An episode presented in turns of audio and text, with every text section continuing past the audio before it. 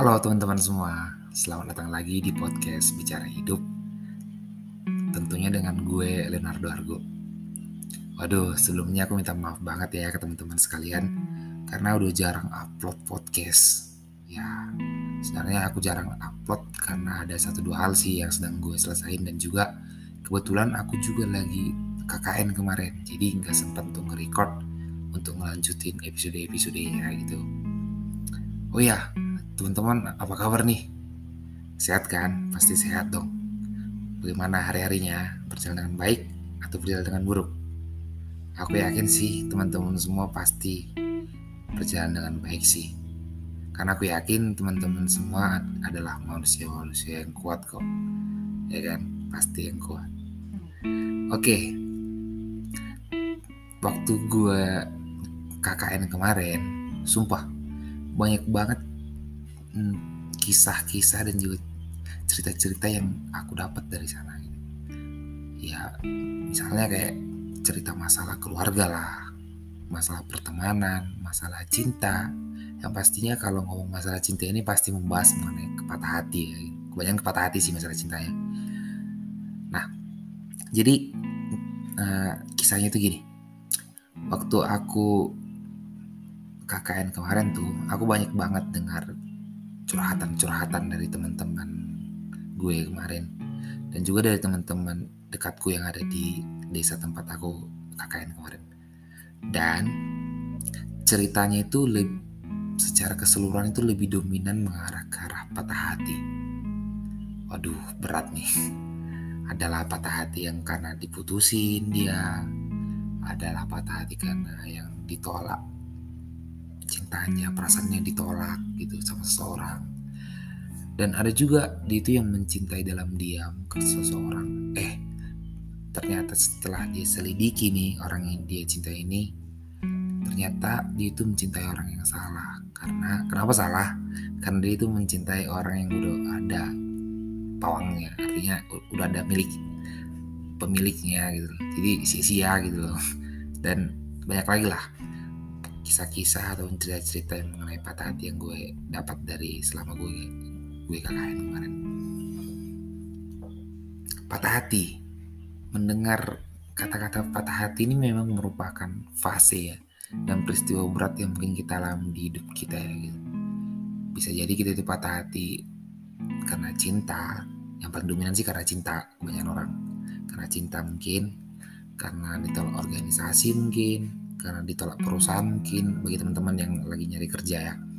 Atau mungkin patah hati karena tidak sesuai dengan apa yang kita harapkan alias ekspektasi kita itu tidak sesuai dengan realita gitu. berbanding jauh dengan reali dengan re realitanya gitu. Kita semua pasti pernah mengalami yang namanya patah hati ya. Ya jujur sih aku sendiri juga pernah sih ngalamin hal itu. Dan gue baru aja berhasil nih teman-teman melewati fase patah hati tersebut berat kalau dibilang berat sih memang berat. Ya cuman mau gak, mau gak mau harus kita lalui demi kesehatan mental kita dan juga pribadi kita sendiri gitu. Kandasnya suatu hubungan yang telah susah payah kita bangun itu tentunya ya di saat hubungan tersebut berakhir pastinya akan meninggalkan luka dalam tubuh dalam perasaan kita ya. Ditambah lagi dengan memori akan kenang-kenangan romantis ya mungkin kenang-kenangan yang lalu yang mungkin berarti banget bagi kamu gitu. Di saat kamu patah hati, kalau misalnya kamu menangis karena patah hati itu dan di saat kamu menangis ada orang yang menertawai kamu, itu di saat kamu menangis itu, menurut gue orang yang menertawai itu orang yang salah gitu. Kenapa salah? Ya, ya karena menangis itu bukan hal yang tabu bagi gue bukan hal yang layak untuk ditertawakan. Jadi di saat lo nangis mungkin lo malu karena lo nangis di saat lo patah hati. Ya menurut gue ya monggo silahkan menangis gitu. Menangislah sekencang-kencangnya dan sepuas-puasnya. Karena menurut gue itu kalau kita merasa sedih, kalau kita menangis karena ada hal yang sangat melukai perasaan kita, ya itu hal yang wajar sih menurutku dan manusiawi menurutku gitu. Jadi Gak perlu deh minder kalau lu lagi nangis di saat lu patah hati. Tapi tau gak sebenarnya? Di saat lo nangis sedih putus asa sebenarnya tuh lu sedang berada di fase-fase patah hati namanya. Nah masalah fase patah hati ini ada teorinya. Nah setelah gue baca-baca menurut hmm, teori the five stages of grief ternyata tuh ada beberapa fase yang harus kita lalui di saat kita patah hati tepatnya ada lima fase sih Oke langsung aja ya. Yang fase pertama itu namanya fase denial arti, yang artinya penyangkalan. Nah di fase pertama ini biasanya lu akan cenderung untuk menolak akan realita-realita yang udah terjadi gitu. Dalam arti lo menolak realita kalau hubungan lo dengan dia udah berakhir. Di fase ini mungkin lo akan berpikir kalau ah nggak mungkin lah dia setega itu meninggalkan gue. Pasti besok akan ngajak balikan kok. Pasti besok akan balik lagi kok ke gue. Nah di saat lo udah mengeluarkan kata-kata yang demikian ya sebenarnya itu lo lagi berada di fase pertama yaitu fase penyangkalan diri lo sendiri. Oke lanjut masuk ke fase kedua. Itu fase kedua itu mengenai marah.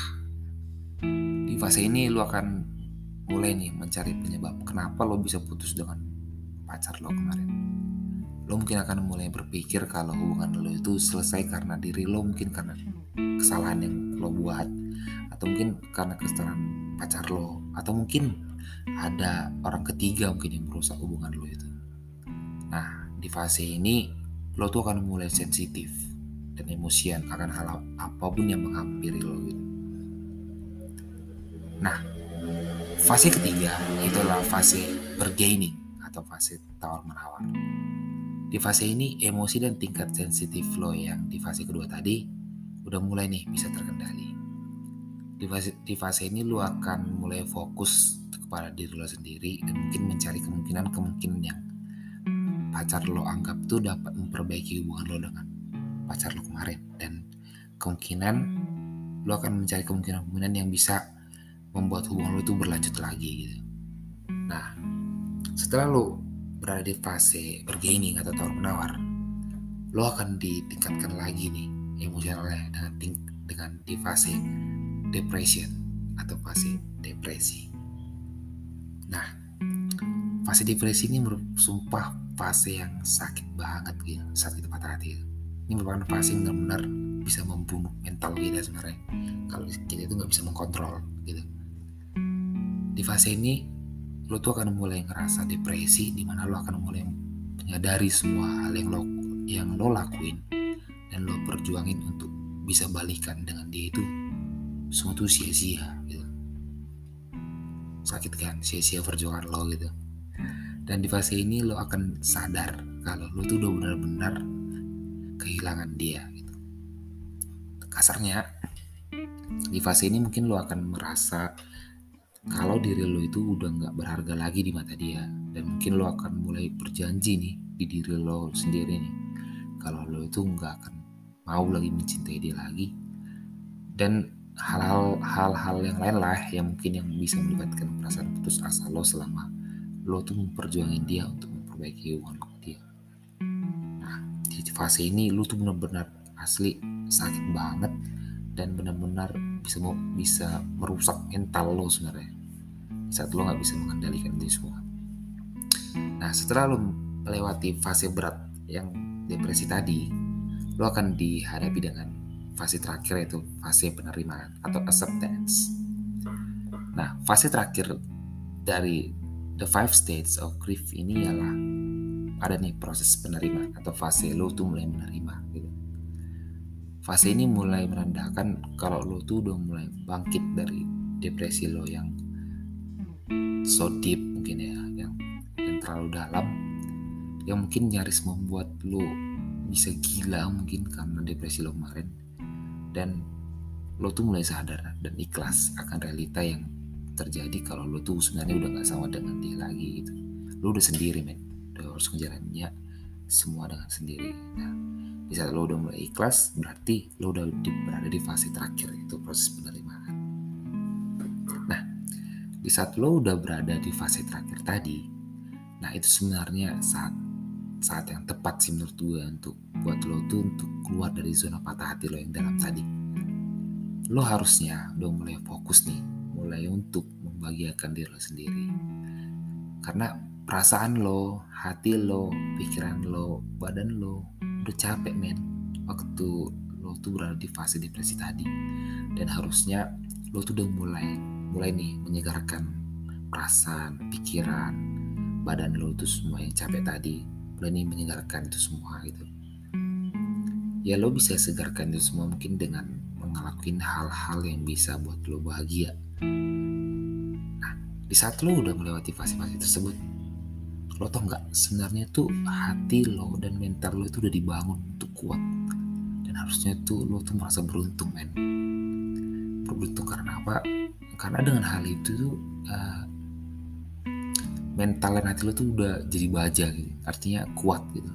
Udah terlatih lah patah hati gitu. gitu di episode ini sebenarnya gue tuh nggak akan bilang kata-kata yang mungkin bikin lo tenang ya mungkin satu lagi patah hati mungkin sekarang maaf gue nggak akan bilang kata-kata yang bisa buat buat nenangin patah hati lo nggak friend gue cuma mau bilang gini lo tuh harusnya sadar gitu. Di saat lo udah melewati fase-fase itu mental lo harusnya tuh udah kuat udah tangguh men gitu.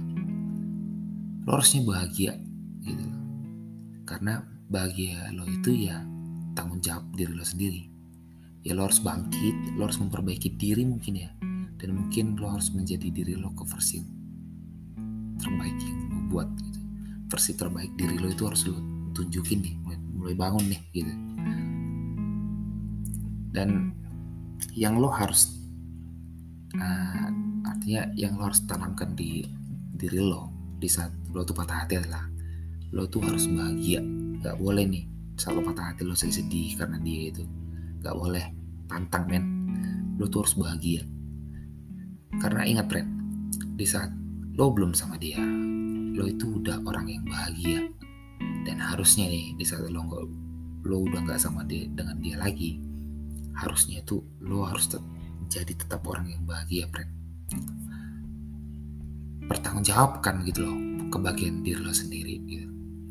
Kalau lo mau sedih ya dan sebenarnya lo nggak tahan dengan situasi patah hati lo ya menurut gue ya monggo gitu. Ya monggo sedih gitu.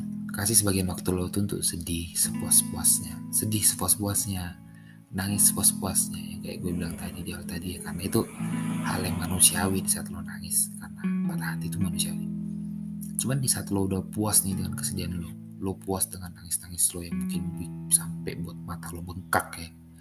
Di saat lo udah puas dengan hal itu semua lo harus bangkit gitu, dan memperbaiki diri lo. Dan ingat pertanggungjawabkan kebahagiaan diri lo sendiri. Di saat lo udah puas lo udah bisa mencari versi terbaik diri lo dan dan mulai untuk berpikir secara realistis men, dalam menjalin hubungan percaya deh di saat lo udah berada di proses menjadikan diri lo versi terbaiknya diri lo dan di saat lo udah dan di saat itu juga lo nginget masa lalu lo yang sedih dulu karena memperjuangin pasangan lo yang dulu mungkin lo akan berpikiran bahwa lo tuh ternyata bodoh ya gitu. dan di saat lo udah mikir gitu mental lo itu udah dikatakan pulih lagi men.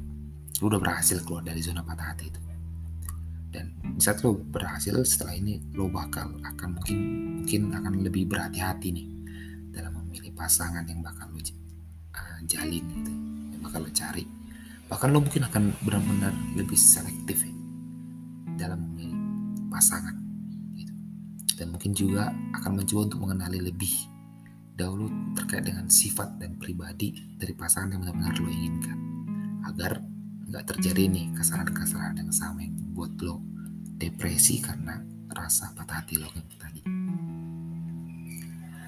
Ya pesan gue sebenarnya sih cuman gini. Di saat lo patah hati ya jalan aja brand gitu. Jangan berhenti jangan jadi down jangan jadi apa pun itu yang dapat merugikan diri lo. Jalanin aja. Lakukan semua hal yang bisa buat lo tuh bahagia yang bisa buat mental lo itu pulih dan yang paling utama adalah lo harus percaya ke diri lo dan percaya ke hati lo itu kalau lo itu mampu melewati itu semua tanpa harus mengorbankan sekecil apa pun dari diri lo sendiri.